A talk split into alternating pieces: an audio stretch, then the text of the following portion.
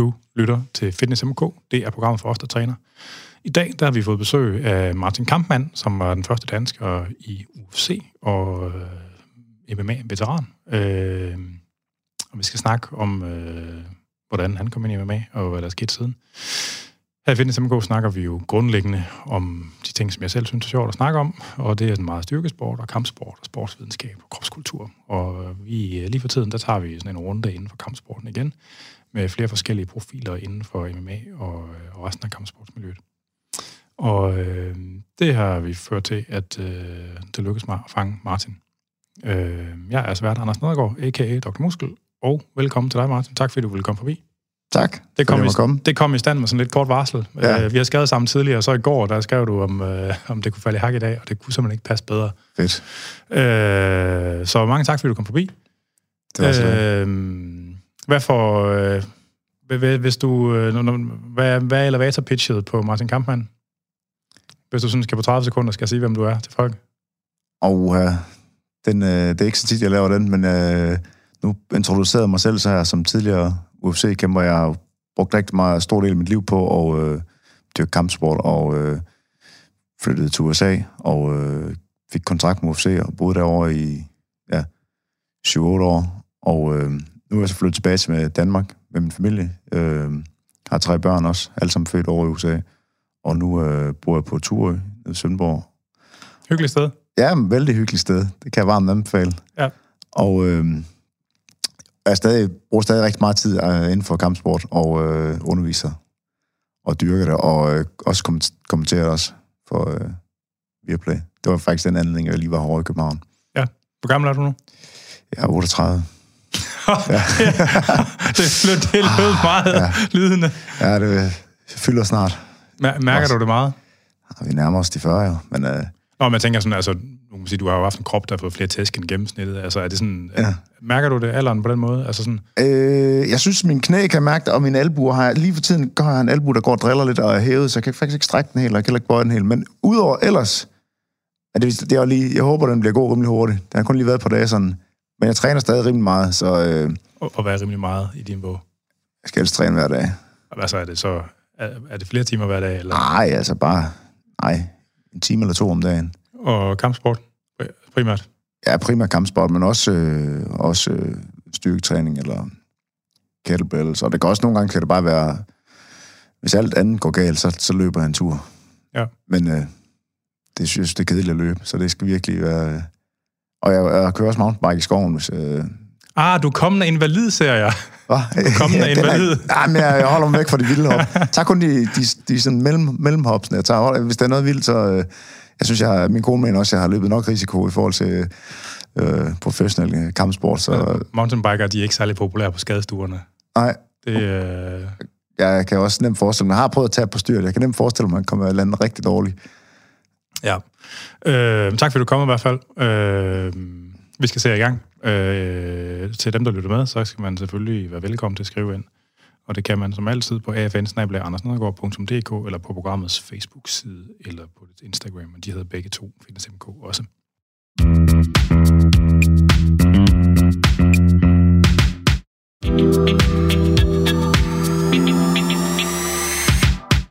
Så, tilbage til dig. Øh, hvordan øh, kom du i gang med kampsport? Altså, hvad, eller hvad er din sådan, historie helt fra barnsben? Altså, øhm, jeg startede med, min første kampsport, jeg dyrkede, det var karate, Shotokan karate. Hvorhenne? Det var i Aarhus. Okay.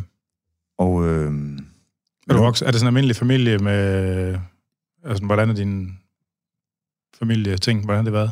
altså, jeg voksede op hos min mor. Okay. Og øh, også set min far, øh, selvfølgelig, men øh, jeg var skilt helt fra lille. Okay. Og øh, primært boet hos min mor. Og så har jeg, øh, ja, Ind i Aarhus by, eller en af forstederne? Jeg er i Aarhus, nede ved, ja, i, i byen. Okay. Trøjborg. Ja. Du ved, kender du Aarhus? Øh, Nogenlunde. Okay. Ja. Tæt på havnen. Ja, ja. og øh, gået i skole der, og så øh, ja, startede med at dyrke karate, da jeg var en 12-13 år, tror jeg. Ja. Og så, så, hvordan kan det være? Altså bare som sådan en fritidsaktivitet? ej, jeg eller? synes, alle de der Bloodsport og med Van Damme og Bruce Lee og alt det der, det, det synes jeg var mega sejt. Ja. og så øh, alle de Har du, set, der... har du set dem igen for nylig? Ja, men ja, det, det er ikke, det kan, det, de falder til jorden. Det er det er ikke helt det Det er samme. ikke helt det samme, det er ikke, der er fuldstændig ret i. Det, man synes dengang var mega sej, så i dag, så kan man, ah, ja, jeg tror bare, jeg tror, jeg skal, jeg, skal- de er bedre at huske, end at, end at gense, tror jeg. Jeg synes, ja, jeg synes Bruce Lee-filmene, de har bedre staying power, end Van Damme-filmene har. Og sådan Enter the Dragon og, øh, hvad hedder den, 10.000 Fists, eller hvad fanden det er. Altså, Ja. Jeg synes, de holder bedre.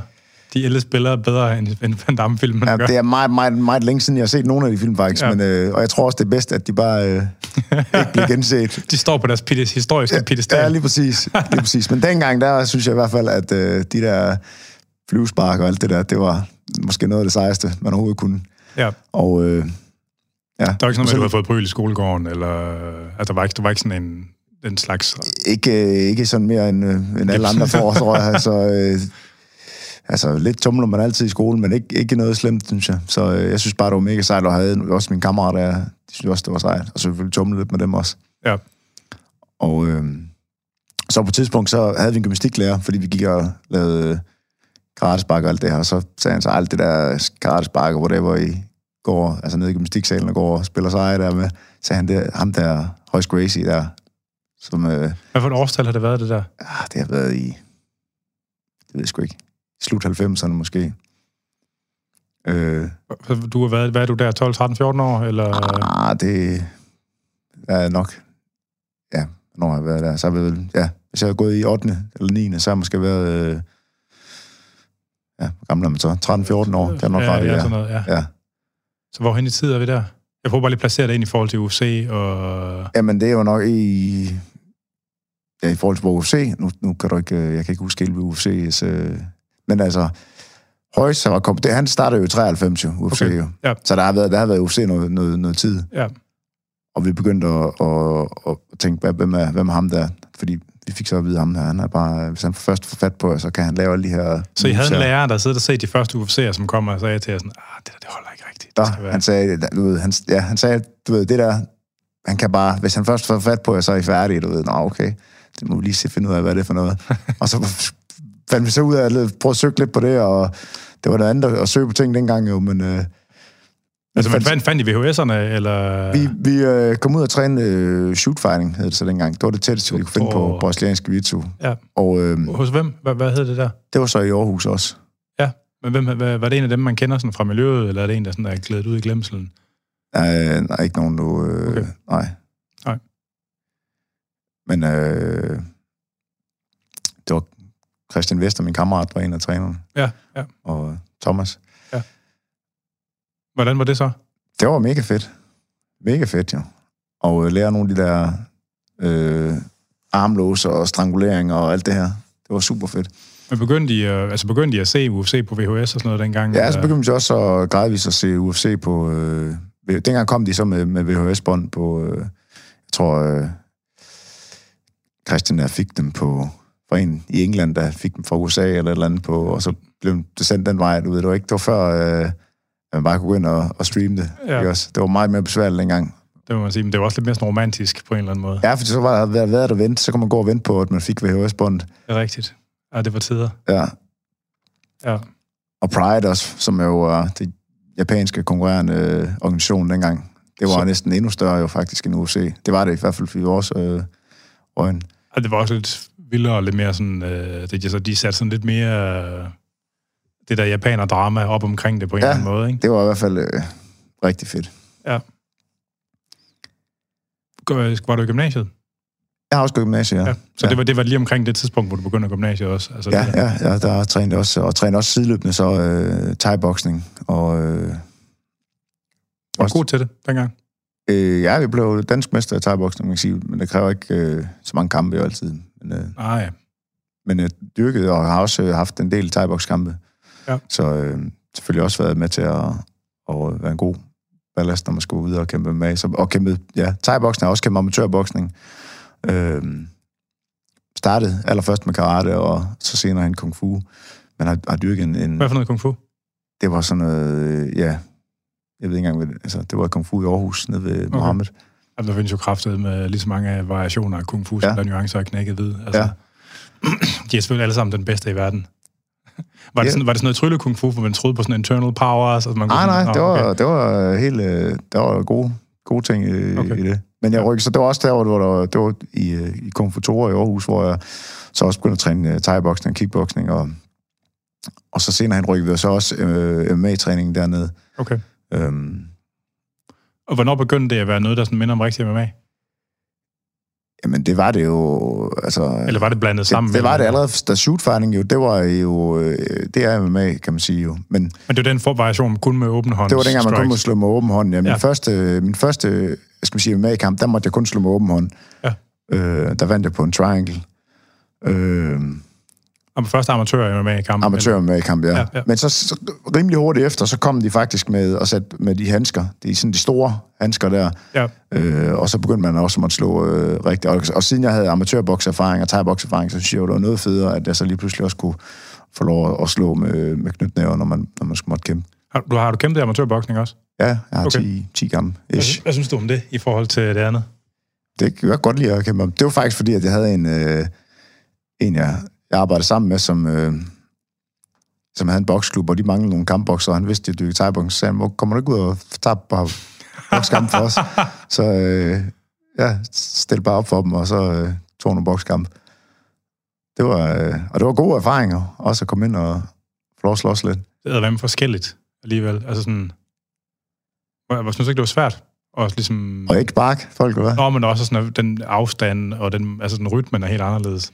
Jo, men dengang der var jeg meget sådan bare pres på, og så svinge nævne. Altså, selvfølgelig også øh, prøve at undvige og, og den slags, ikke også? Men øh, det var ikke, fordi jeg var sådan øh, en distancebokser ude på... Øh, det, var, det var mere at komme ind på livet af dem, og så... Øh, og så, ja, sende nogle, øh, nogle hug afsted. Ja. Jeg havde da, altså... Jeg tror, jeg tabte kun en enkelt amatørboksekamp. Okay. Jeg, stillede op til, jeg stillede op til jyske mesterskaber faktisk i, i og øh, dengang så må du ikke stille op, hvis du havde øh, under 10 kampe. Og så, øh, Okay. hvad hedder det? Men så kunne jeg så få dispensation. Jeg havde otte kampe på det tidspunkt. Så kunne jeg så få dispensation, hvis jeg havde, dispensation, hvis jeg havde ni kampe. Og det var så øh, en uge før Så fandt de på en. mesterskaber. Nej, nej, så... Øh, jeg var faktisk på det tidspunkt, der arbejdede som pædagogmedhjælper. og så... Øh, Ja, den er, den er setting, det- jeg, jeg, er spændt, jeg er spændt på, hvor det kører henad nu. Ja, nej, men, øh, vi havde, der var sådan en weekend, hvor vi skulle have, det var en SFO, vi skulle have overnatning for, øh, for øh, ungerne op i øh, SFO'en, og så... Øh, jeg manglede så den her ene kamp for at få dispensation til at stille op til jysk mesterskaber. Men så, så satte det op, fik jeg vide, øh, ude ved Ivor Limas klub, og det havde fået nogle officials til at komme, og så kunne jeg få lov at kunne komme og køre, og min, øh, hvad hedder det, kammerater til træner, der havde boksning, sagde, at vi kan bare sætte op, det er bare, og det behøver ikke være en, altså, hård kamp, du ved, bare lige komme ned, og så øh, jeg skulle være der på arbejde.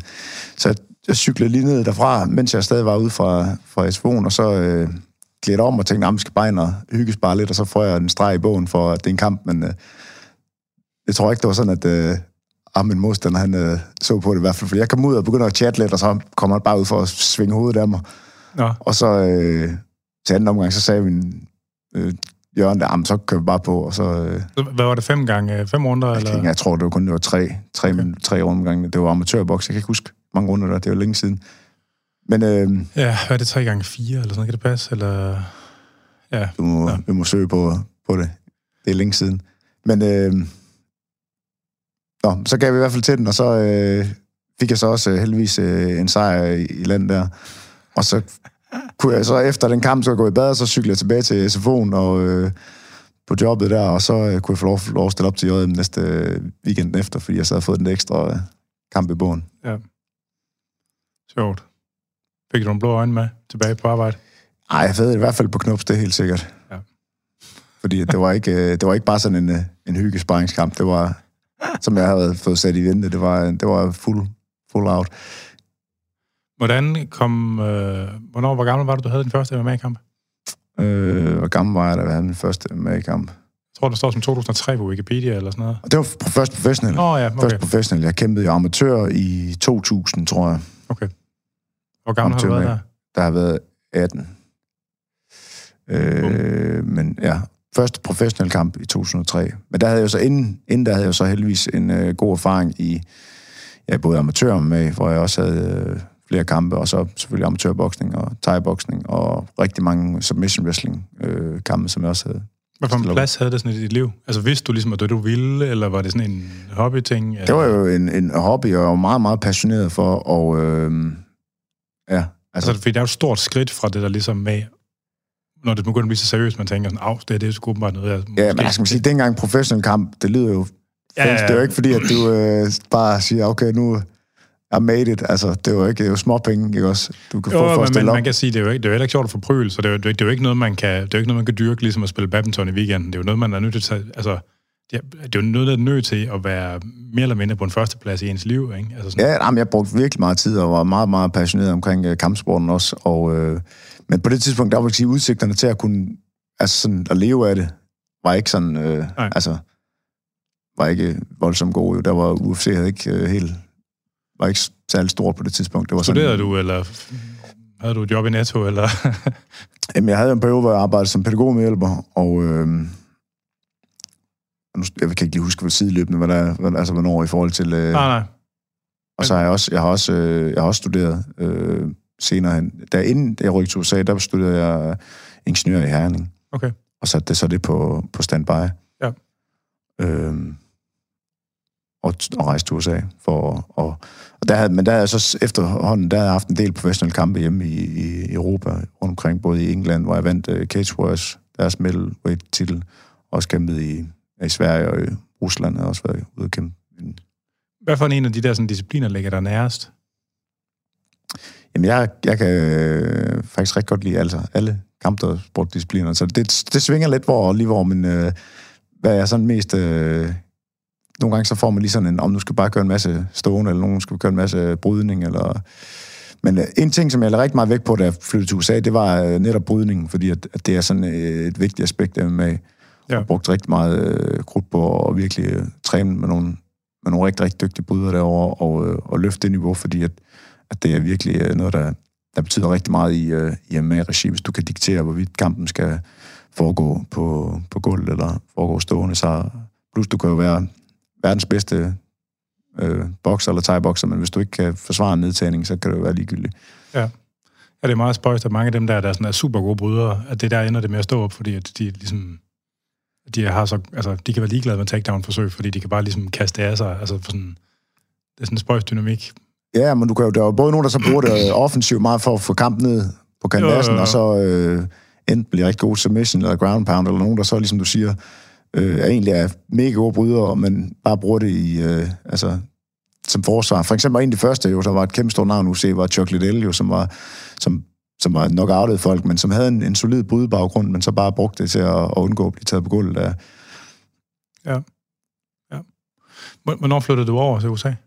Øh, jeg tog først til USA i sommeren 2006, hvor jeg var, havde sommerferie fra øh, ingeniørstudiet. Og så, øh, Hvor mange kampe havde du inden det?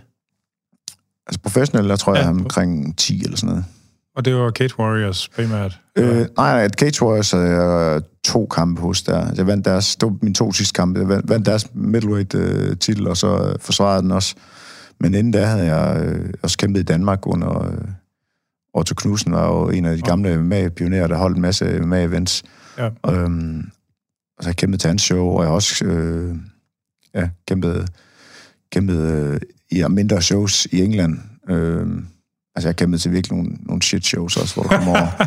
Og så øh, for eksempel står på et eller andet, øh, ja, en eller anden natklub, hvor de så har sat et bur op, og er fyldt med stive folk, og der skal du ud i omklædningsrum for at varme op, og så ligger der knust glas i, i ringhjørnen og sådan noget, du ved. Fedt, fedt, fedt, Ja. fedt. Men, øh, og så tog jeg også til, jeg tog til øh, Rusland, St. Petersborg og kæmpede. Det var sådan en otte-mandsturnering. Øh, Hvor det, Det hele, var hvor det hele, altså knockout hele vejen til toppen, eller i den, altså den samme aften? Eller? samme aften, ja. Jeg tabte så i den øh, første kamp mod ham, der så senere vandt. Andrei Semenov, som var øh, også tidlig UFC-kæmper, og også altså var, var skal vi sige, turneringsfavorit. Hvor mange, også. mange runder er det? Altså, øh, Altså hver runde i sådan en... om det, jeg tror bare, det var ligesom normalt. Altså tre, tre omgange. Altså lidt normal kamp. Øh, Ja. Og så vinderen fortsætter bare, så kæmpe igen. Og man er vinder fandme fortsætter igen. træt, hvis ham der vinder det hele, ikke? Han, puh, Ja. ja. han Så gælder det bare om at afslutte. Jeg fik, jeg fik en kæmpe cut her som, øh, på mit venstre øje, øh, som øh, ja, åbnede rigtig godt op. Ja, så Så- stoppede på grund af kottet, eller... Ja, og så måtte jeg så ind og, og syges i, øh, i Rusland. Ja. det lyder også som en historie. Det var også en oplevelse, og ja, de øh, fik øvet deres engelsk, mens de... Det var sådan set en af de der slemme, hvor de først skal sy indeni, og så lukker de den bagefter og Uden, sy ja. udvendigt. Ja, hvor mange sådan grove cuts har du haft? Rigtig mange, fordi at, øh, jeg, jeg får desværre rigtig, jeg får rigtig nemt cuts, for det er rigtig nemt flemmer. Men jeg laver heldigvis... Du laver ikke så meget Jeg laver ar. pænere, tænker Ja, jeg. man, ja, du, du har Ja. faktisk ikke så meget sådan lige at se. Så. Ja, nej, man kan vise dig nogle billeder bagefter på nogle af de slemme. Jeg har, øh, jeg har haft rigtig mange, fordi øh, ja, min den hud er ikke så ret god i forhold til... Øh, der er nogen, de kan jo virkelig tage imod slag og ikke øh, åbne op, men, men jeg får rigtig nemt flimmer, flinger, men, men så er det heldigvis til gengæld for at lave pænere. Det er kraftigt med spøjst. Altså, har det tænkt over, at der sådan er forskel i dem? Selvfølgelig er det også det. Altså, ja. Ja. Hvordan, altså det der ligesom med at worm sin, altså du kan sige, det, der gik jo ret lang tid, for du, altså du tabte jo ikke særlig mange kampe de første mange, altså de første lange stykke tid. Ej, den første, den, mit første professionelle nederlag, det var der i Rusland. Øh, Ja. Og næste gang igen, det var Nate Marquardt eller sådan noget, var det ikke det? Og det var så i USA, hvor jeg var i UFC. Øh, Og der var du oppe på hvad? 15 kampe, eller... Ja, ish. ja. Jeg kan ikke lige huske øh, Nej, nej, men, men, men det er sådan meget god. Altså, hvordan... Øh, det der, det der ligesom med at gå ind, at man bare bliver ved med at vinde, ikke? Altså, så føler man sig som en fandens kal. Ja, ja, det er klart, når man vinder, så, øh, så Altså, kunne du godt styre det. det? Altså sådan... Ja, altså, eller var det, sådan, var det tungt psykisk at, at tage det første nederlag på den måde? Altså, Ej, det synes jeg, det var, det var hårdt at tage det nederlag, også fordi man selvfølgelig kommer ind med forventninger om, at man, man skal vinde. Og, øh, men der var så også en, en, en, en, en tung at vinde væk klasse, og jeg havde også gået og leget med tankerne om at rykke ned, fordi at jeg, jeg kottede stort set ikke noget vægt, og rigtig mange af dem, jeg trænede sammen med, der var jo, øh, nogen, der var mere end mig og kæmpede vægtklasser under. Så, øh, så hvad hedder det? Ja, jeg vidste godt, at på et tidspunkt skulle jeg nok overveje at rykke ned, men jeg var godt kørende og var faktisk på vej til at, at, få, at få nogle øh, ret store kampe i middleweight, UFC's middleweight-division, så tænkte "Jamen, nu fortsætter du bare, og det, det, det går meget godt indtil videre. altså, om- når du siger rykke ned, så betyder det ikke, at du ikke skulle tabe dig, men bare begynder at lave hård vægt, vægtcuts. Altså bare lave et vægtkort, der, hvor du rykker ned i, Ja. øh, jeg kæmpede, hvad hedder det, minus 84 kilo, og, og vejede måske de der, ja, det ved jeg ikke. Ja, når jeg er i god form, så var jeg omkring de 84 kilo, men ellers, og så når jeg ikke udenfor, for så kommer jeg op, jeg kan godt blive lidt tungere nu, nu, nu ligger jeg måske på en 87 lige nu. Hvor hører du? en 83. Ja. Men når jeg så... Øhm, ja, når jeg så kommer i form og skulle ned, så skal jeg ned på 77. Men der er jo nogen, der har samme vægt som mig og kæmper lightweight minus 70 kilo. Det er Ja. så også, der, der skal man også... Øh, der vil også være hård. Jeg tror godt, jeg kunne klemme mig ned, men Det er ikke sikkert, man har det så godt. nej, det, gør, det gælder også om at have en god performance, ikke også jo. Ja. Men jeg synes, så 77 kilo, det har, været, det har altid været nemt øh, vægt, og det har ikke været noget problem. Selvfølgelig første gang, man lige skulle prøve at svede det. Øh, Er det sødt det hele, eller laver du også noget med kulhydrater? Eller, Nej, jeg cutter også, øh, altså, de kører diæt op til at, og, og, du ved, så du får sænket din fedtprocent, og, og skærer kulhydraterne fra. Og, Ja. Ja. Og så det sidste, det tager jeg væske. Hvordan, øh, altså, men, men selve det der ligesom med at få ormet til vej op i systemet, altså sådan, hvordan har du haft en agent, eller sådan, hvor du ved, hvornår kommer telefonopkaldet, sådan, du ved, nu skal du, altså, hvordan, hvordan er vejen? Kan du sige sådan lidt om, hvordan, øh, Jamen, øh, jeg var i USA for at træne, og så fik jeg muligheden for at kæmpe i øh, et show, der hed WFA, som på det tidspunkt var øh, altså, som konkurrent til UFC, og de kom ud og du ved, prøvede at lave et, et stort show med tidligere UFC-champ Bas Rutten og øh, Matt Lindland mod Quentin Jackson skulle også kæmpe mod hinanden, og på det tidspunkt var det altså nogle Lyoto Machida, som på det Uh, tidspunkt ja. ikke, var, ikke var noget navn. og det var før ham, eller før han blev en ting? Før, eller? blev han, øh, før han var i UFC, og før han blev et navn. Og, men Matt Linden og Quentin Jackson, Quentin havde kæmpet i, i Pride. Ja, Japansk organisation havde et navn derovre fra Rampage. Rampage, lige præcis. Og, men før han blev champ i UFC, og øh, jeg tror, Lindland, det må jo så have været efter, han var, havde været champ i UFC også, men øh, alle sammen med, med navne og Barsuden, øh, Som havde ikke, som havde været tidligere også champ, men så altså ikke i UFC, men så havde ikke været tror, retired i rigtig lang tid. Og øh, de kom så ud og ville øh, lave et show, og øh, havde fight card sat op, og så øh, jeg trænede sammen med, med flere gutter, blandt Phil Baroni på det tidspunkt, som Ja, så øh, vidste, at det, der var en, en, der var faldet fra, Pelle Landi Jones, som er sådan en brasiliansk øh, øh, mal som var, øh, hvad skal jeg sige, øh, før Vandalay Silva, så var der ham, Pelle Landi Jones, som var øh, også dernede fra Shootbox Academy, som kørte den der øh, sprawl and brawl-stil med at øh, undgå nedtagninger, og så ellers øh, stikke folk nogle håndmad og knæ i ansigtet. ja. Og øh, han- skulle, øh, han skulle kæmpe mod en meksikansk kæmper i, øh, til det her show her, men Belé han har så trukket sig, og øh, de havde brug for en til at træde ind på meget kort varsel. Jeg tror, jeg fik at vide med sådan 3-4 dages varsel. Og, øh, og så jeg, du ved, jeg var klar på det selvfølgelig. Ja.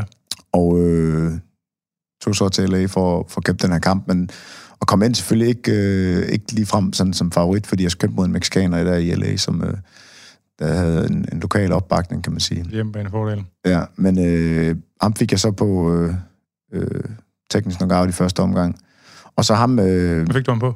Teknisk, øh, når jeg ramte ham med, jeg tror, jeg ramte ham med god uppercut, og så på knæ i hovedet.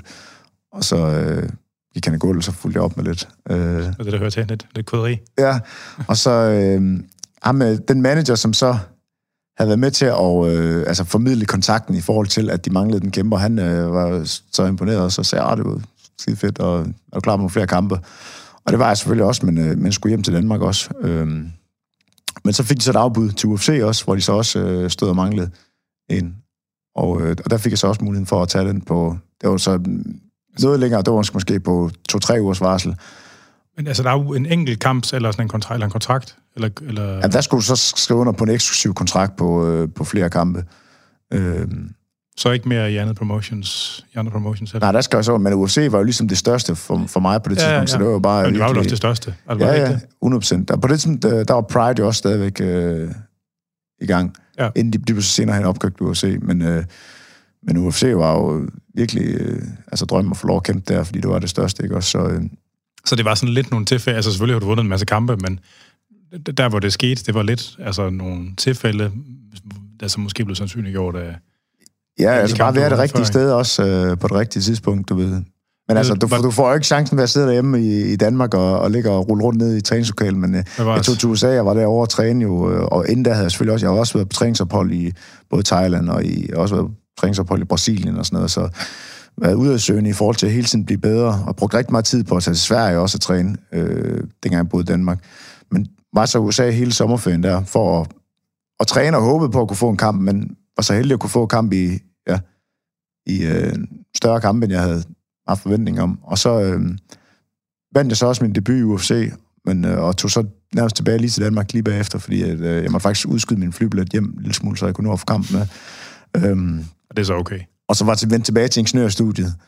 Men var selvfølgelig, på det tidspunkt, der, der læste jeg også og trænede samtidig. Det var noget med at... Men nogen Karl Liv, ud over det, eller hvad? Ej, jeg havde en kæreste også, Okay. øh, som jeg er også gift med nu, Pernille. Okay.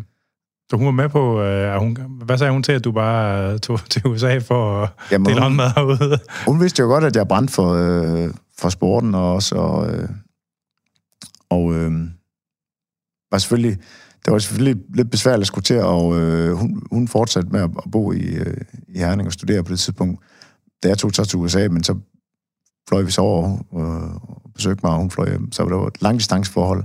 Ja. Og senere hen, da hun så flyttede til USA, så startede hun faktisk med at flytte til San Francisco, så det var også langt, hvor jeg boede i Las Vegas, så det var også øh, langdistanceforhold, men trods alt noget tættere end, øh, end øh, at skulle krydse Atlanten hver eneste gang. Ja, ja. Og hvad er der der mellem 500 km, eller man kan køre det på en dag Jeg kørte på en, jeg tager en 10 timer i bil, og kan flyve på Det er så langt alligevel. meget kortere, ja. Ja, okay.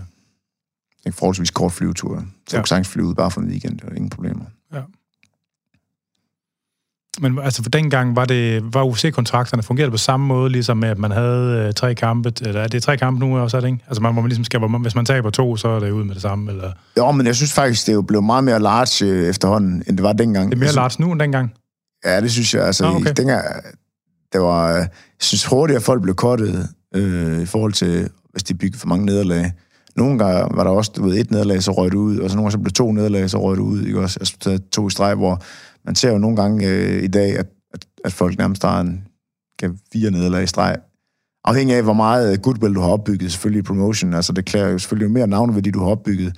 Jo længere linje kan du også få med nogle nederlag i streg. Hvis du kommer ind og så starter med at tabe, og ikke har fået det eneste nederlag, så ryger du nok også ret hurtigt ud den anden vej.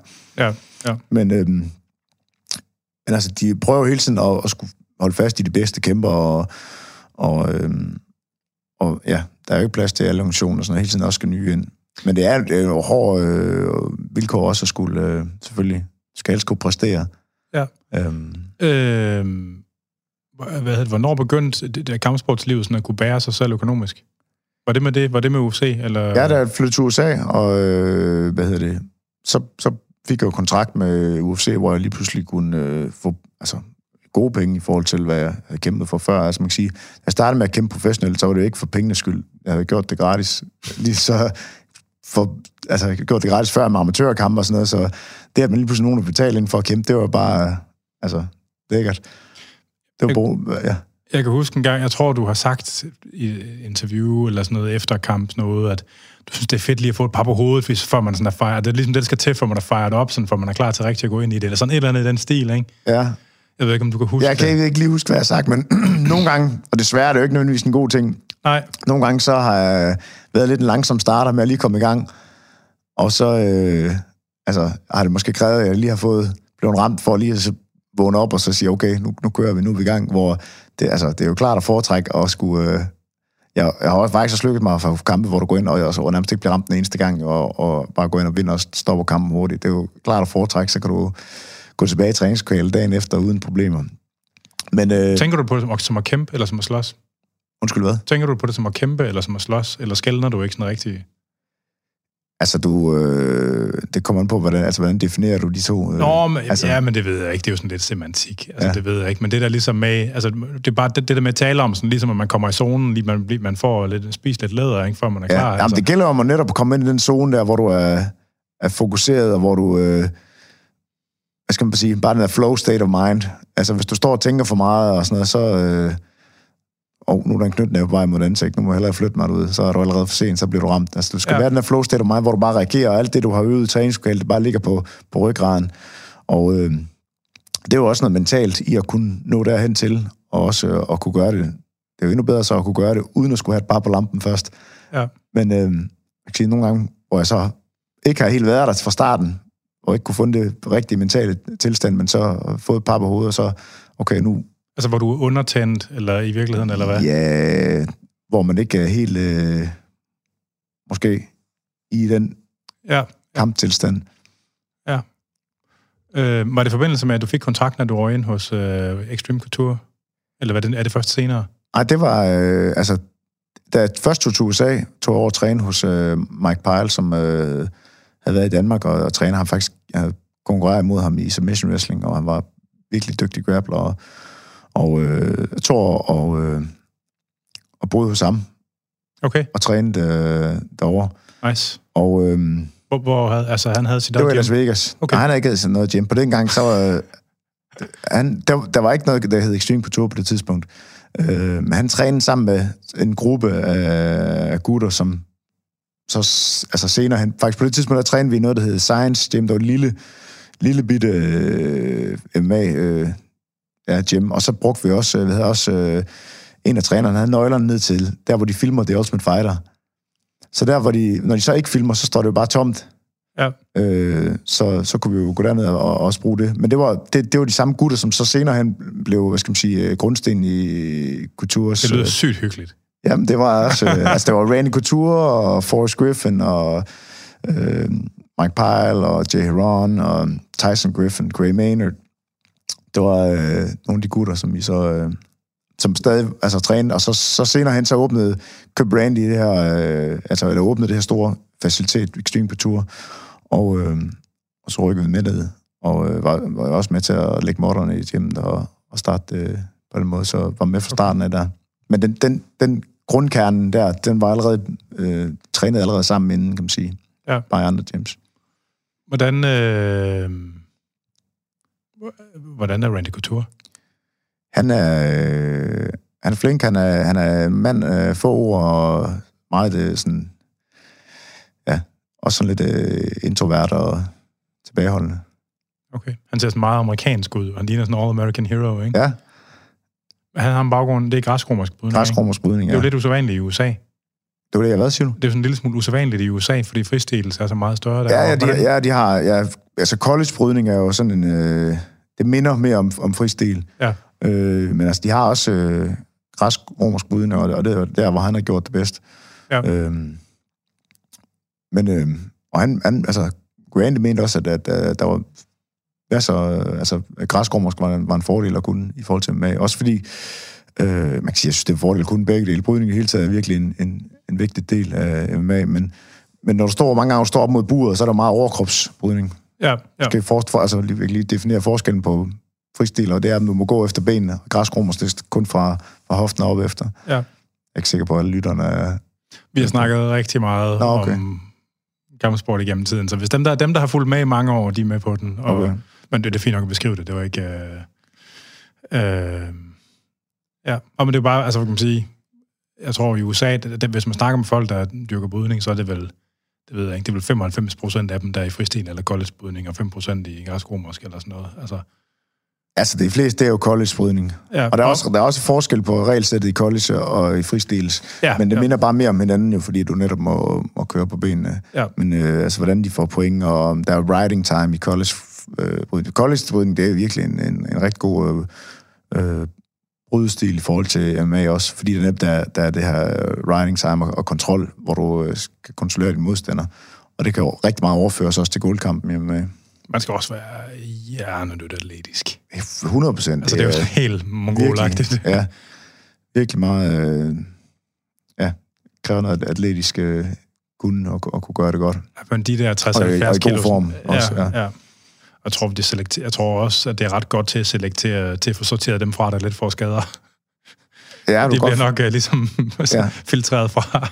Altså, jeg var helt vild med, jeg trænede rigtig meget brydning, da jeg så kom til USA, netop fordi det var en af de ting, jeg, jeg følte, jeg, manglede i mit uh, MMA-repertoire. Jeg havde trænet rigtig meget uh, thai-boksning herhjemmefra, og også uh, konkurreret, som jeg var inde på, både thai-boksning og boksning. Og så havde jeg også uh, kørt en masse guldkamp, men, og kunne også noget brydning selvfølgelig, men ikke, ikke lige så godt, som jeg gerne ville have det til at være. Og kunne også godt se jo, at øh, i, i UFC-regi, at, at dem, der gjorde det rigtig godt, det, det krævede at have noget, noget solid brydning. Ja.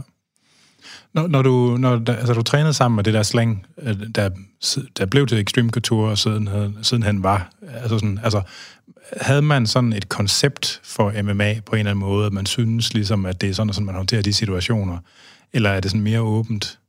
Altså, hvor, hvor meget forskel er der på, om det er hos Extreme Couture, eller om du er hos American Top Team, eller, altså, hvad ved jeg, et eller andet... Altså, på det tidspunkt, det var ikke sådan øh, super professionelt øh, sat op og, eller struktureret, det vil sige, det, det var det ikke. Øh, der øh, kunne man have kørt træningen meget bedre, altså, Okay. synes jeg, øh, hvor meget det, det var bare at, at, at mødes og så, og så, og så kæmpe og, og træne og, og øh, selvfølgelig de bedste, nogle af de bedste træningssessioner, det var faktisk dem, hvor Randy kørte dem, synes jeg, da han, han kørte nogle fede træningssessioner og, og bygget op og tænkte over, hvor andre gange så kom ind, og så, så er det bare ned og, køre sparring i, i gymmen.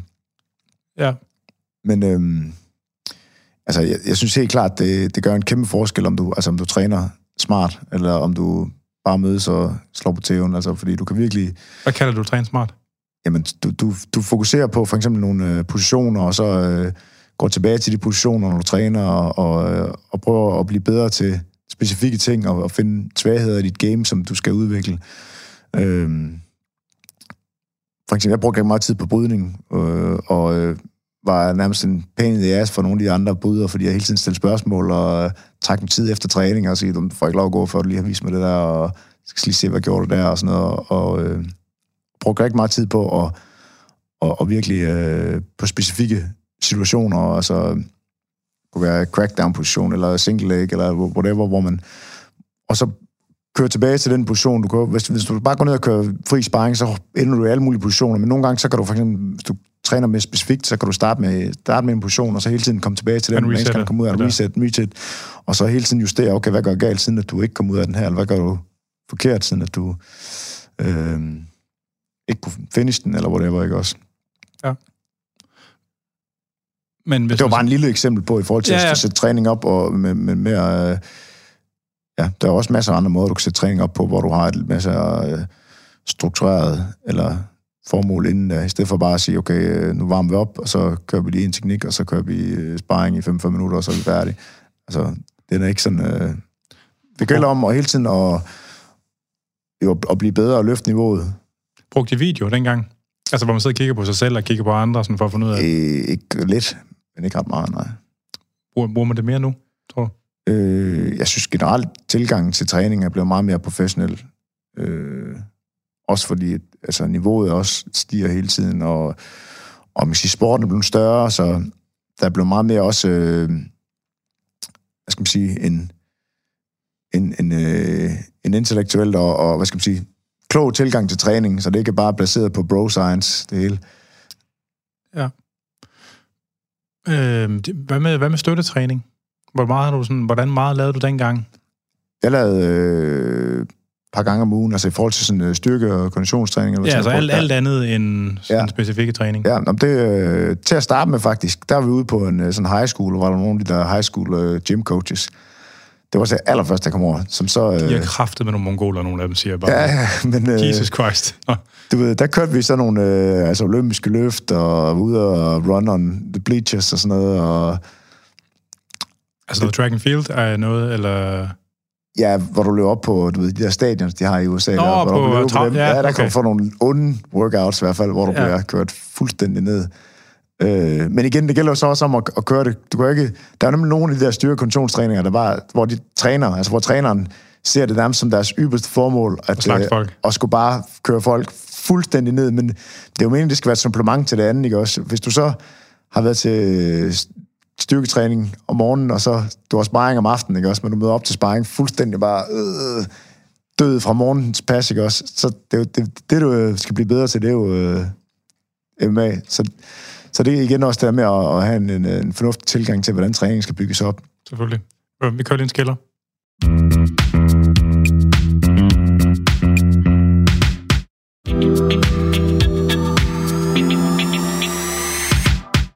Og vi er tilbage igen. Øh, jeg har jo selv lavet personlig træning og, og været sådan en fysisk træner for flere sådan sportsfolk igennem tiden også. Og når du, øh, når du siger det der ligesom med klog og dum træning, og sådan, altså en af de ting, jeg sådan er stødt på, der, der er svært, når man kommer som fysisk træner til en, til en, en, sportsmand, der har primær aktivitet et andet sted, det er det, også det der med at dosere. Øh, altså, man kan sige, i mange sportsgrene, der bruger man jo et eller andet aspekt af sporten som den fysiske træning. Ikke? Mm. Så når man kører når man kører otte runder af fem minutter i grappling, det kan sige, det er jo i princippet meget mere, end der er nødvendigt, fordi en grappling-kamp er, øh, hvad er det, to-tre gange fire minutter, ikke? eller hvad det nu er. Altså sådan, så, så er det noget, man gør for at skabe conditioning og sådan noget. Ikke?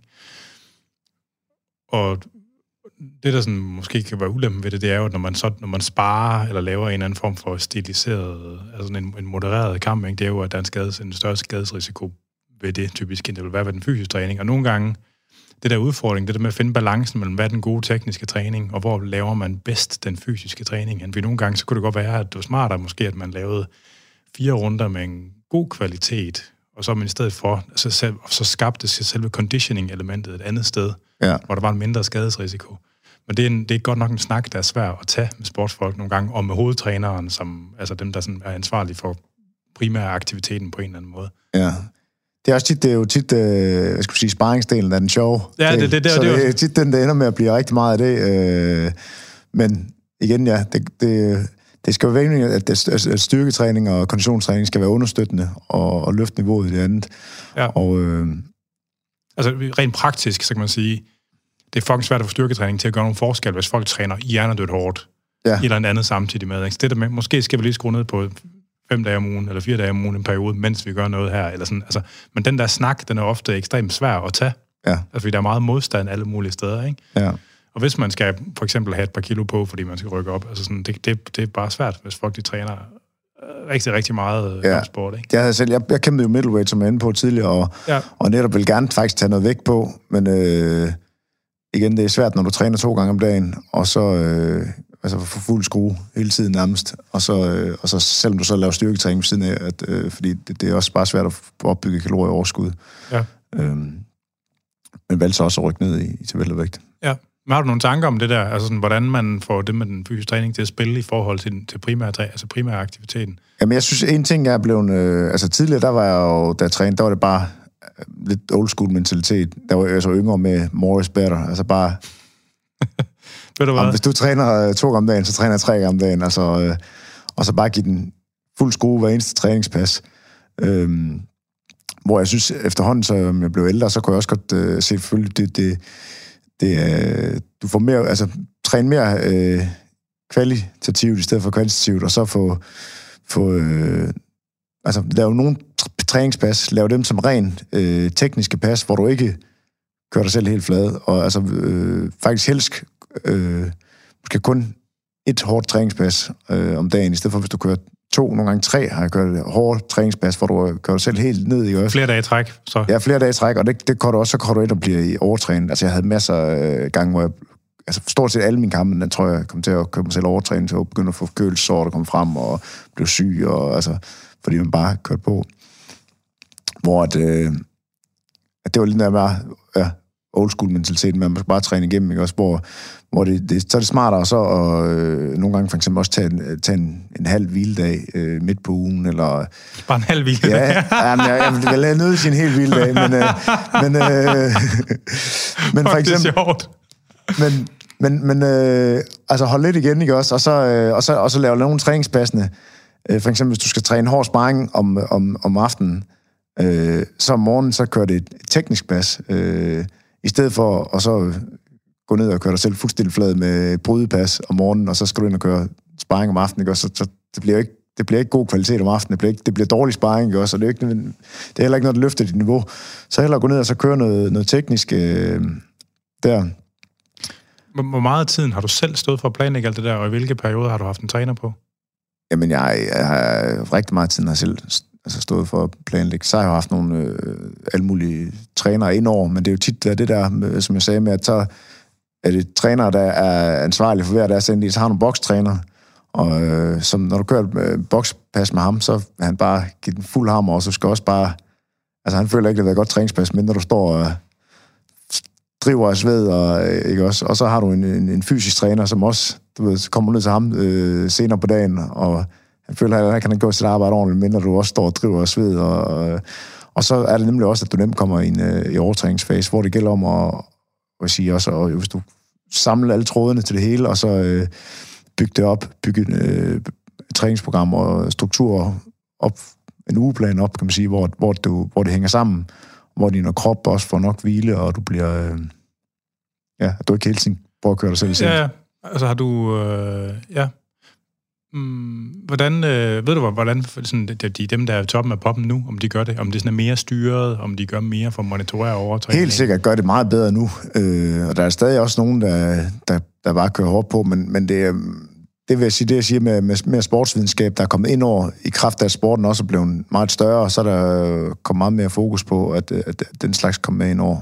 Og ja. øh, nu har jeg jo øh, coachet Marco Madsen også, og som jo tidligere har brydet på rigtig højt niveau og har haft, han har haft den, den hvad skal man sige, øh, fantastiske fordel at kunne øh, at trække på Team Danmark, jo, som også øh, kørte professionelt og kørte rigtig godt. Og, og, øh, God en det i forbindelse med med også? Nej, men, okay, men, man, har jo, ja. man har jo øh, stadigvæk Netværk og... masse ekspertise derfra, ja. som man kan tage med sig videre, og hvor jeg også har lært jo øh, nogle ting øh, i forhold til den måde at, at, at, at gøre det ting på. Mark er virkelig professionel i øh, sin træningstilgang, og øh, vi satte jo nogle mål sammen i forhold til, hvad, hvad han skulle blive bedre til, i forhold til at skulle gøre det godt i med, og hvordan vi også gerne ville bygge hans øh, karriere op med det mål at komme i UFC, og det...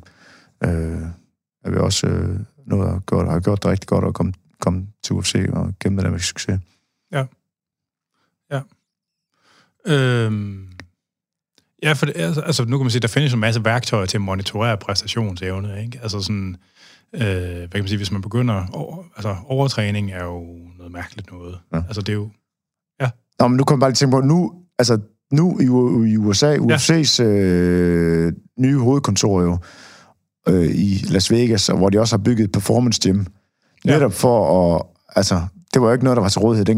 Nej. Der men nu har UFC jo et, et performance gym med masser af fysiske trænere tilknyttet. De har øh, fysioterapeuter og øh, hvad hedder det, rehab-træning, og de har øh, jo spa og du kan have løbebånd under vandet og alt muligt.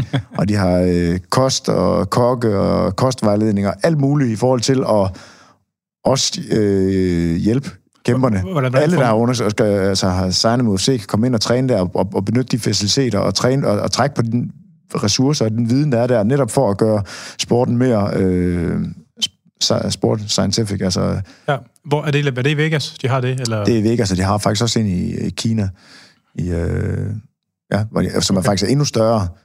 Øh, jeg snakker faktisk lige med en af dem derude fra Kina, som kørt det derude. De, søger, okay. de, leder, det kan lige få, de leder efter en striking coach. Okay. i øh, Kina. Så hvis der er nogen derude, der har øh, evnen og ønsker at noget med bo i Shanghai og være coach øh, for det, så kan man blive Shanghai. Så, øh, ja, så lige øh, giv mig et holder, så skal jeg nok sætte øh, kontakten videre. Ja. Okay, hvorfor lige Kina? Er det sådan til træningslejre, eller... Jamen, jeg tror også, de har jo... Kina er jo et kæmpestort øh, marked, så jeg, og, øh, jeg tror, det er en af grundene til, at de også har, har lavet et performance gym derude. Okay. Øhm. Fordi der er potentiale i at, at få åbnet det op, men... Øh, og så er det også, det er også en hop for, for flere steder i Asien, hvor der også er, er kæmper. Men, men øh, i Las Vegas har det i hvert fald... Jeg har ikke været den i Kina. Øh, jeg har kun været i Las Vegas. Men mega fedt faciliteter. Virkelig fede faciliteter, de har der. Og, øh, nice. Så, øh, no, det, altså, det, det var jo noget, som øh, altså, man kun kunne drømme om. Og, øh, faktisk, ja. og, det, og der, hvor det ligger nu, det er faktisk tæt på mit øh, tidligere hus. Okay. Så det kunne jeg godt have haft i hvert fald stor glæde af, jeg boede derovre. Men, øh, men igen, det er jo med til at løfte niveauet for, for nutidens kæmper nu, kan man sige. Jo, jo. Ja, det er øh, nå, spændende. Altså, men Red Bull, de har jo også sådan et center for deres atleter nede i Schweiz. Nå. Hvor hvis man er en af dem, der kører mountainbike, eller snowboard, eller Formel 1-bil, eller hvad det nu er, de har, ikke? så har de sådan et center, man kan komme ned og få idrætsmedicinsk support, og sådan ja. noget, alt det der knald også. Fedt. Øh, spændende. Hvorfor, hvorfor stoppede du? Var du tænkt du, at du har nået enden af rebet, eller havde du en skade? Eller? Nej, jeg har, altså, jeg har haft rigtig mange skader, men uh, især, øh, altså en ting er knæskade, jeg har fået opereret min knæ. Korsbånd, menisk? Ja, sidelebånd har jeg fået, og, og menisk, og korsbånd har jeg fået rekonstrueret med, hvad hedder det, kadaver. Ja. øh, jamen, det var, det, de sagde faktisk, at det var en akillescene fra en øh, mand, der døde i en ulykke i Belgien. Ja, det var meget specifikt. Til en, til en korsbåndsoperation? Ja, det fik jeg at vide. Lyder det ikke? Er det, er det, ikke? Er det, Nå, lyder, det, er det, altså, det kan også være, det er bare bullshit, han siger det til mig. Øh, øh, pff, altså, nu kan man sige, ortopædkirurger, det er jo også et særligt folk. Altså, ja, det kan godt være, de bare prøver at lave pis på mig, det ved jeg øh, ikke. Men det kan sagtens, altså, man, det der graft, som man bruger til ja, at lave... Ja, præcis, graften. De kan jo tage den enten fra din hamstring, eller fra din patellar tendon ja, her foran. Ja, Øh, og der, der er et par muligheder også. Altså, det kan sagtens passe, det ved jeg sgu ikke. Altså, men... Det var det, jeg fik at vide. Jeg ved ikke, om det bare sagde det til for at spook mig ud, eller eller andet. Det, det gør jeg sgu heller ikke. Nå, men, du må spørge en ortopæd, øh, om, det kunne, om det lyder legit. Fik du lavet det i Danmark? Det fik jeg lavet i Danmark, men jeg har så også fået et par knæoperationer i USA også, ja. Okay.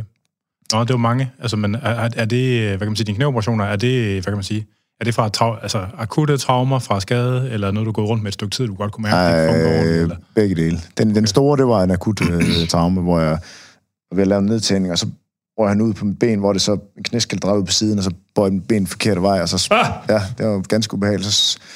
Og, øh, træning? I træning, ja. Op til en kamp. Jeg skulle faktisk have kæmpet mod øh, Rich Franklin til øh, main mm. event i Irland, den tidlige UFC-champ. Det var efter, han havde tabt til Anderson Silva. Øhm, men øh, så tog Yushin Okami den kamp i stedet for, fordi jeg så blev skadet. Ja, det sker. Det sker desværre. Men var ude længere tid, men øh, primært fordi jeg stoppede, fordi at jeg havde haft nogle hjernerystelser, hvor jeg efterfølgende øh, altså, ikke øh, altså, havde det dårligt.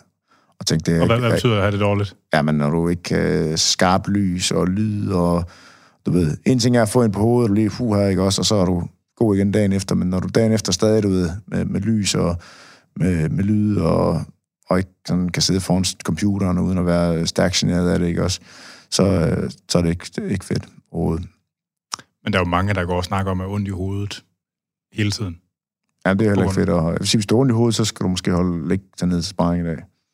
Nej, om jeg kender der flere, sådan, hvad kan man sige, alle professionelle danskere med, der har beskrevet det der med, at de, altså, de har ondt i hovedet de fleste dage. Ja. Altså også bare i forbindelse med almindelig træning, ikke?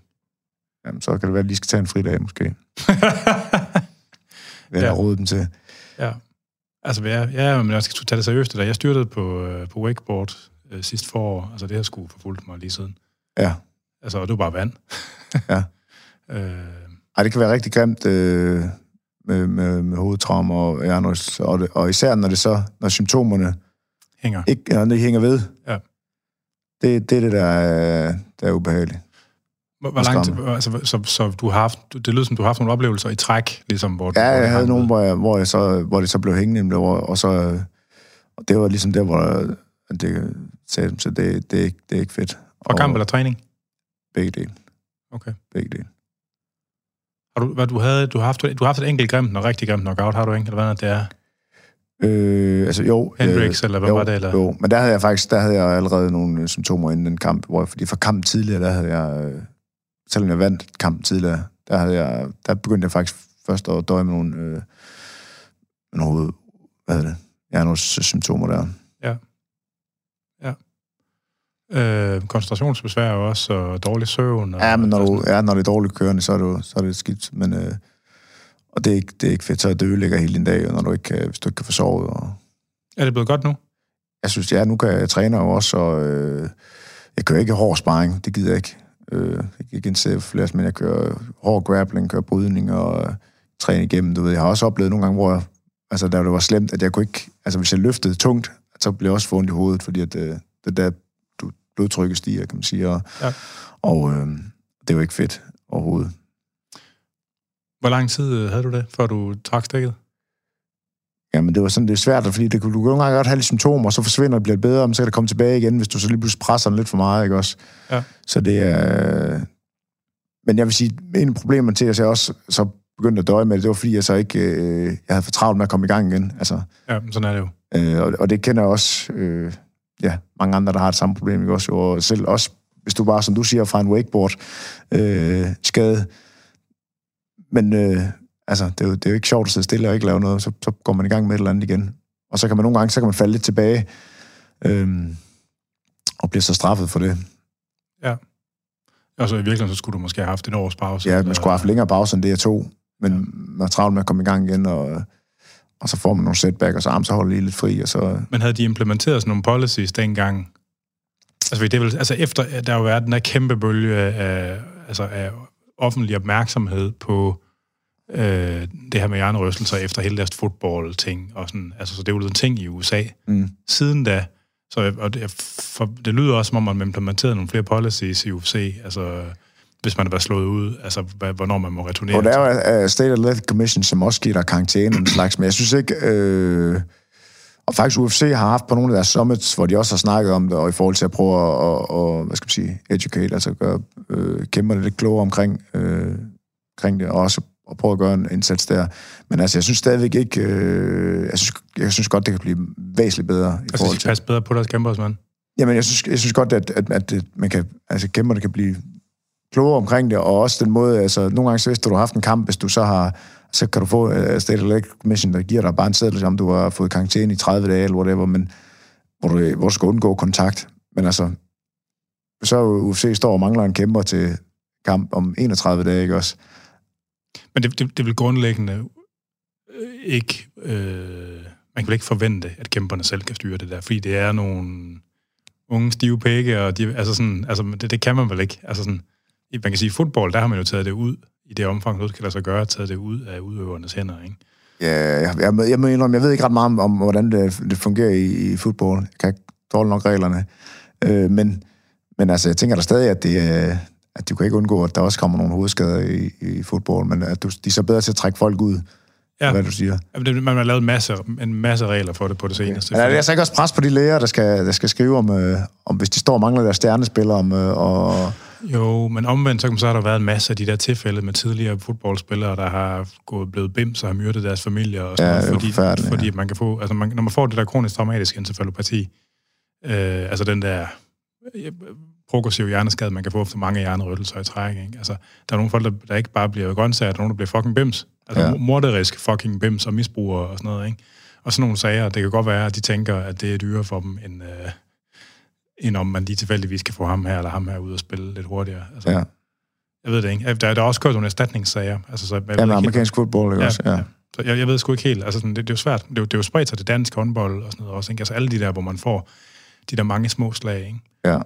Øh, ja. jeg, ved, jeg ved ikke, hvad det ender med. Altså, man, man kan sige, lige nu der er det op i tiden i hvert fald, at man laver flere og flere og strammer og strammer regler for det, for at, altså for at tage beslutningen ud af udøverens hænder. Ja, det er måske også øh, klogt nok, fordi man som udøver ikke... Øh, altså, selvom man selvfølgelig ved, hvad der er bedst for en selv, men øh, at man nogle gange Ja. presser på, og, man, man, øh, og du er jo også... Altså, især i vores sport, kan man sige, jeg har jo øh, haft hele tiden den tilgang, altså at, at hvis du er skadet, så finder du bare en måde at træne alligevel. Øh, Ja.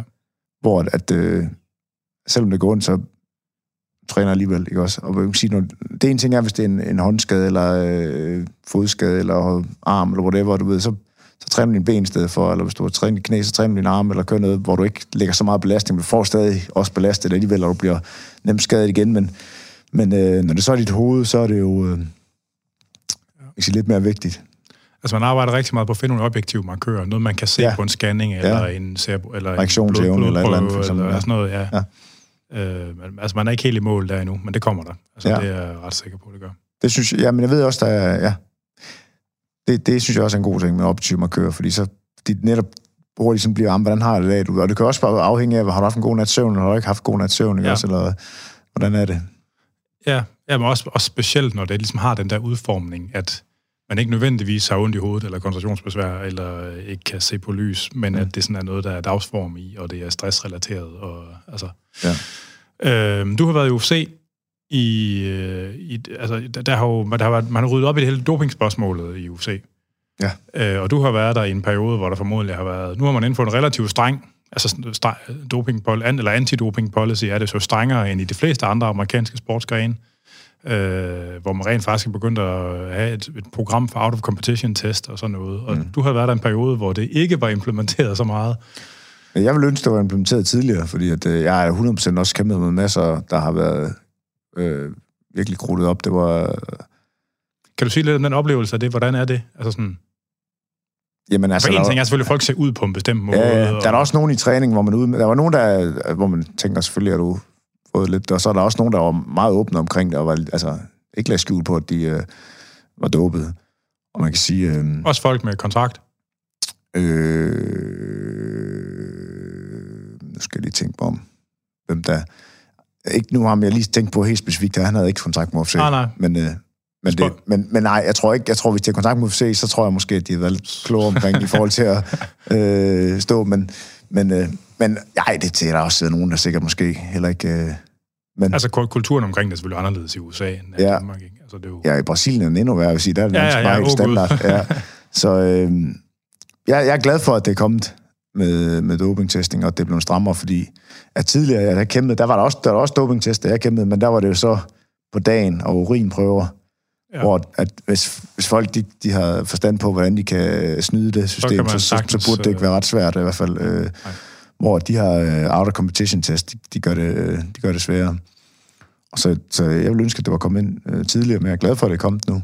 Kan, kan du sige lidt om, hvordan det føles? Altså, sådan, altså man kan sige, en ting er, at folk ser ud på en bestemt måde, men hvordan føles det? Altså, sådan, er, er, hvor, hvor meget kommer det til udtryk? For jeg tænker, okay, så kan man være lidt stærkere, man kan have lidt mere pop, men til gengæld, så har man måske lidt sværere, det går måske lidt sværere at, at dosere sine kræfter igennem en kamp. Sådan. Altså, kan du sige lidt om, altså, hvor stor en fordel tror du, det Jamen, er? sige, den, det, er jo en, altså, det er jo en kæmpe fordel også. Altså, du kan jo se på Vitor Belfort som eksempel, som jo tydeligvis, nu snakker vi om det der med en, der ikke, altså, Ja. ja. heller ikke skjul på det, fordi han har jo været på stivet og helt, hele UFC-karrieren nærmest, tror jeg. Og så, Altså, som ung, og der så- var han jo helt oppe at ringe på den store klinge, hvor Ja. alt det bare strittede. Ja, og der var det jo heller ikke, øh, der tror jeg da ikke, der var nogen hemmelighed, nu spurgte dem til det i forhold til altså, øh, og, øh, altså, så, så senere, så kommer man på det der TRT-program, som, Som er er også fucking fuldstændig bullshit. latterligt, jo, altså, hvor de så kan sige, jamen, jeg, jeg, jeg har brug for noget testosteron-tilskud, ikke også? Og så kan du få det op til et vis niveau, men det niveau, det er måske, hvad der er fire gange, fem gange i forhold til, hvad der er normalt niveau, ikke også? Og så Ja. siger du, at det er en normal tilstand, og så er du, du kan se nogle af de billeder, hvor han, altså inden det blev forbudt, hvor han var jo totalt jacked, og, ikke også? og så da han kom af det, så var, var det ikke helt det samme, ikke også jo?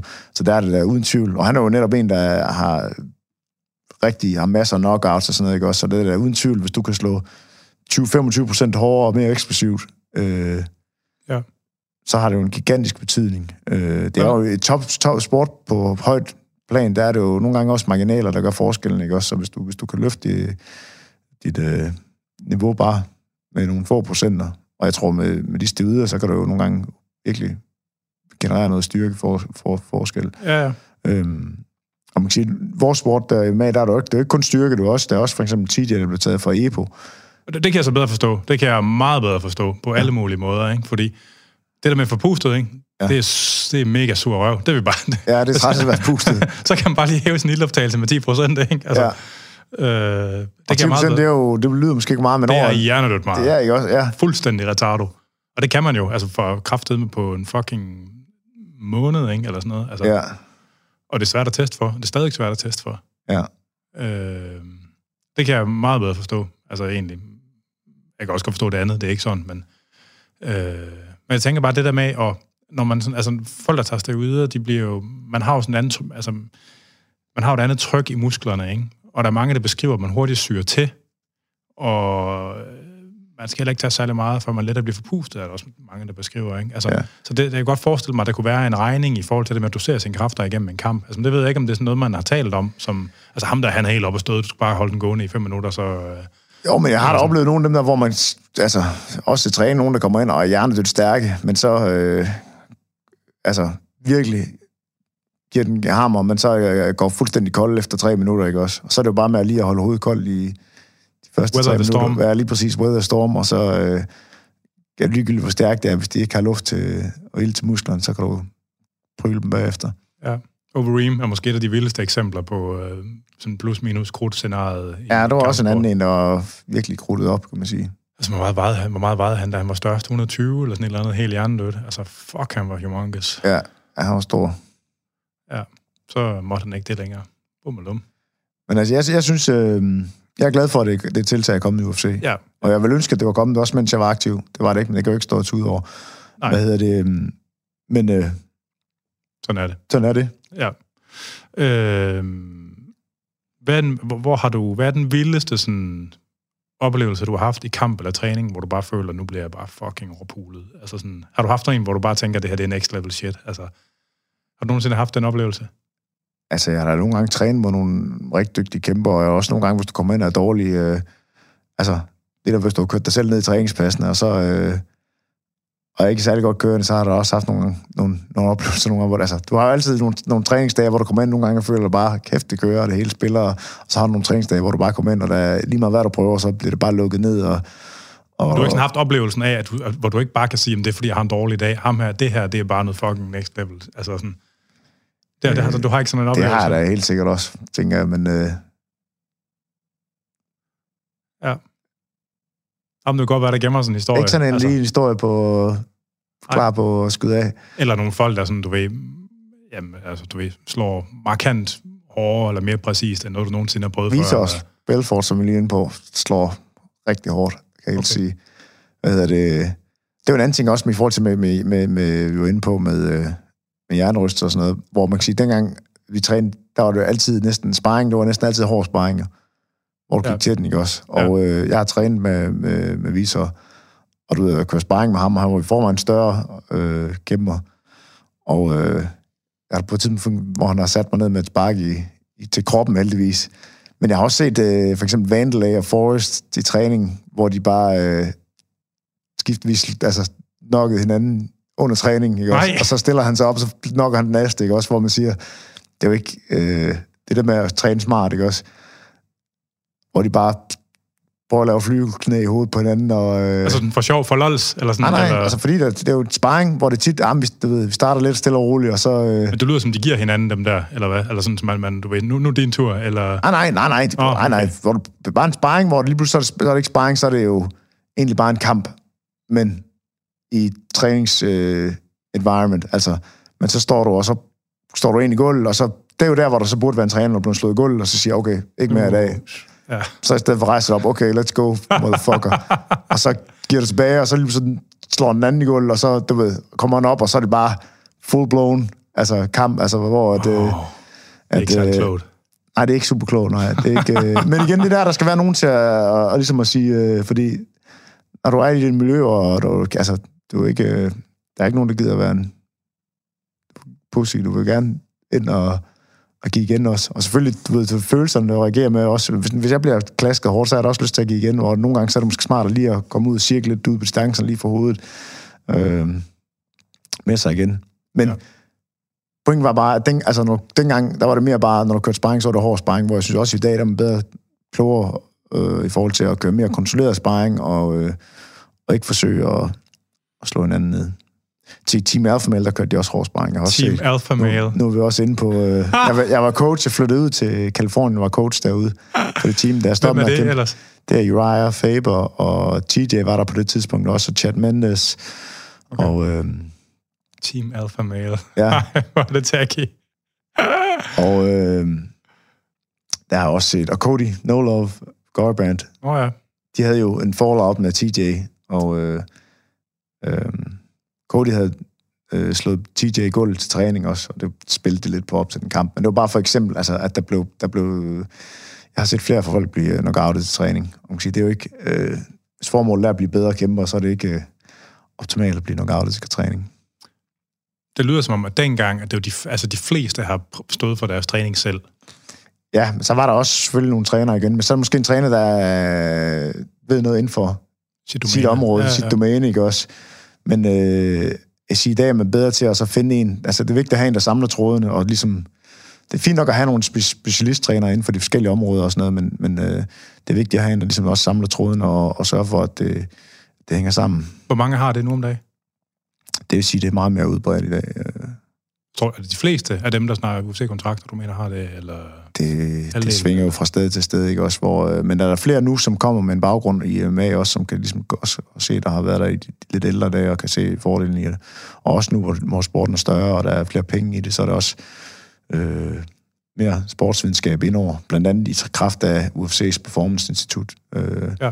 hvor øh, blandt andet Forrest Griffin, jo, som jeg også træner sammen med, som jo, øh, han er, hvad skal man sige, jeg tror han er sportsdirektør, eller hvad skal man kalde for, Åh, okay. instituttet Nice. der, og så også øh, og prøve at, at, at gøre sit bedste for os, og, og, og, og gøre sådan, at, at træning er, er sportsvidenskabelig Nice. god. Ja. Ja. Og deres, deres, de har lavet det institut netop med forbud på at hjælpe kæmperne til at, at gøre det, have en klogere tilgang til, til hele træning. Øh, jeg tror, vi at være noget sådan i land, i virkeligheden. Hvad, øh, har du nogle ting, som du gerne lige vil klemme ud for øh, her på falderæbet? Og det er ikke umiddelbart. du Altså, har nogle, noget skamløs reklame? skamløs eller, reklame. Øh, så skulle jeg sige øh, festival.dk. Min kone, øh, min kone der sælger engangs øh, festartikler. Ja. Men, og jeg må sige, får ikke ret mange her under coronakrisen. Nej, det Der var er... skamløs reklame. Det var, øh, kan man træne med dig? Det kan man også. Øh, jeg, har, jeg kører også øh, privattræning. Også øh, begyndt at køre noget, faktisk noget øh, online. Øh, men øh, igen, så ind på kontakt mig på, på nettet. Nok bedste mulighed. Ja, Du har ikke hjemmeside? Sagde Jeg har Martin Kampmann. Okay. Øh, jeg tror både det er .dk og .com, tror jeg. Ja, man kan få fat i dem der. Jeg, den er ikke super opdateret siden der, men, men øh, det kan godt stadig lade sig gøre fat i mig. Fedt. Ja. Øhm, men geografisk så er jeg jo placeret på Sydfyn, så øh, for dem, der rent fysisk også kunne træne med mig, så øh, skaber det nogle gange nogle begrænsninger. Men der er også nogen, der, der kører efter det. Og hvor kan man ellers følge dig på sociale medier? Øh, på Twitter, Facebook, Instagram. Martin Kampmann. Jamen, jeg vil sige tak, fordi du kom. Det var spændende tak. at få lidt uh, inside stories. Øh, ja, du har lyttet til Fitness MK, og jeg hedder Anders Nedergaard. Du har lyttet med til den her og de andre episoder af Fitness MK via stream og podcast. Man kan streame det fra andersnedergaard.dk eller Spreaker, og man kan podcasten fra alle de store podcasttjenester. De gamle afsnit fra det 24-7-tiden, de ligger i et separat podcast-feed på Podimo og den nye 24-7-app, så der kan man finde dem. Jeg får stadigvæk forespørgseler på dem, så derfor så giver det lige mening. Og øh, på det derude. Programmet det er produceret af Jonas Pedersen, og man skal være velkommen til at skrive ind på afn eller på programmets Facebook-side eller Instagram.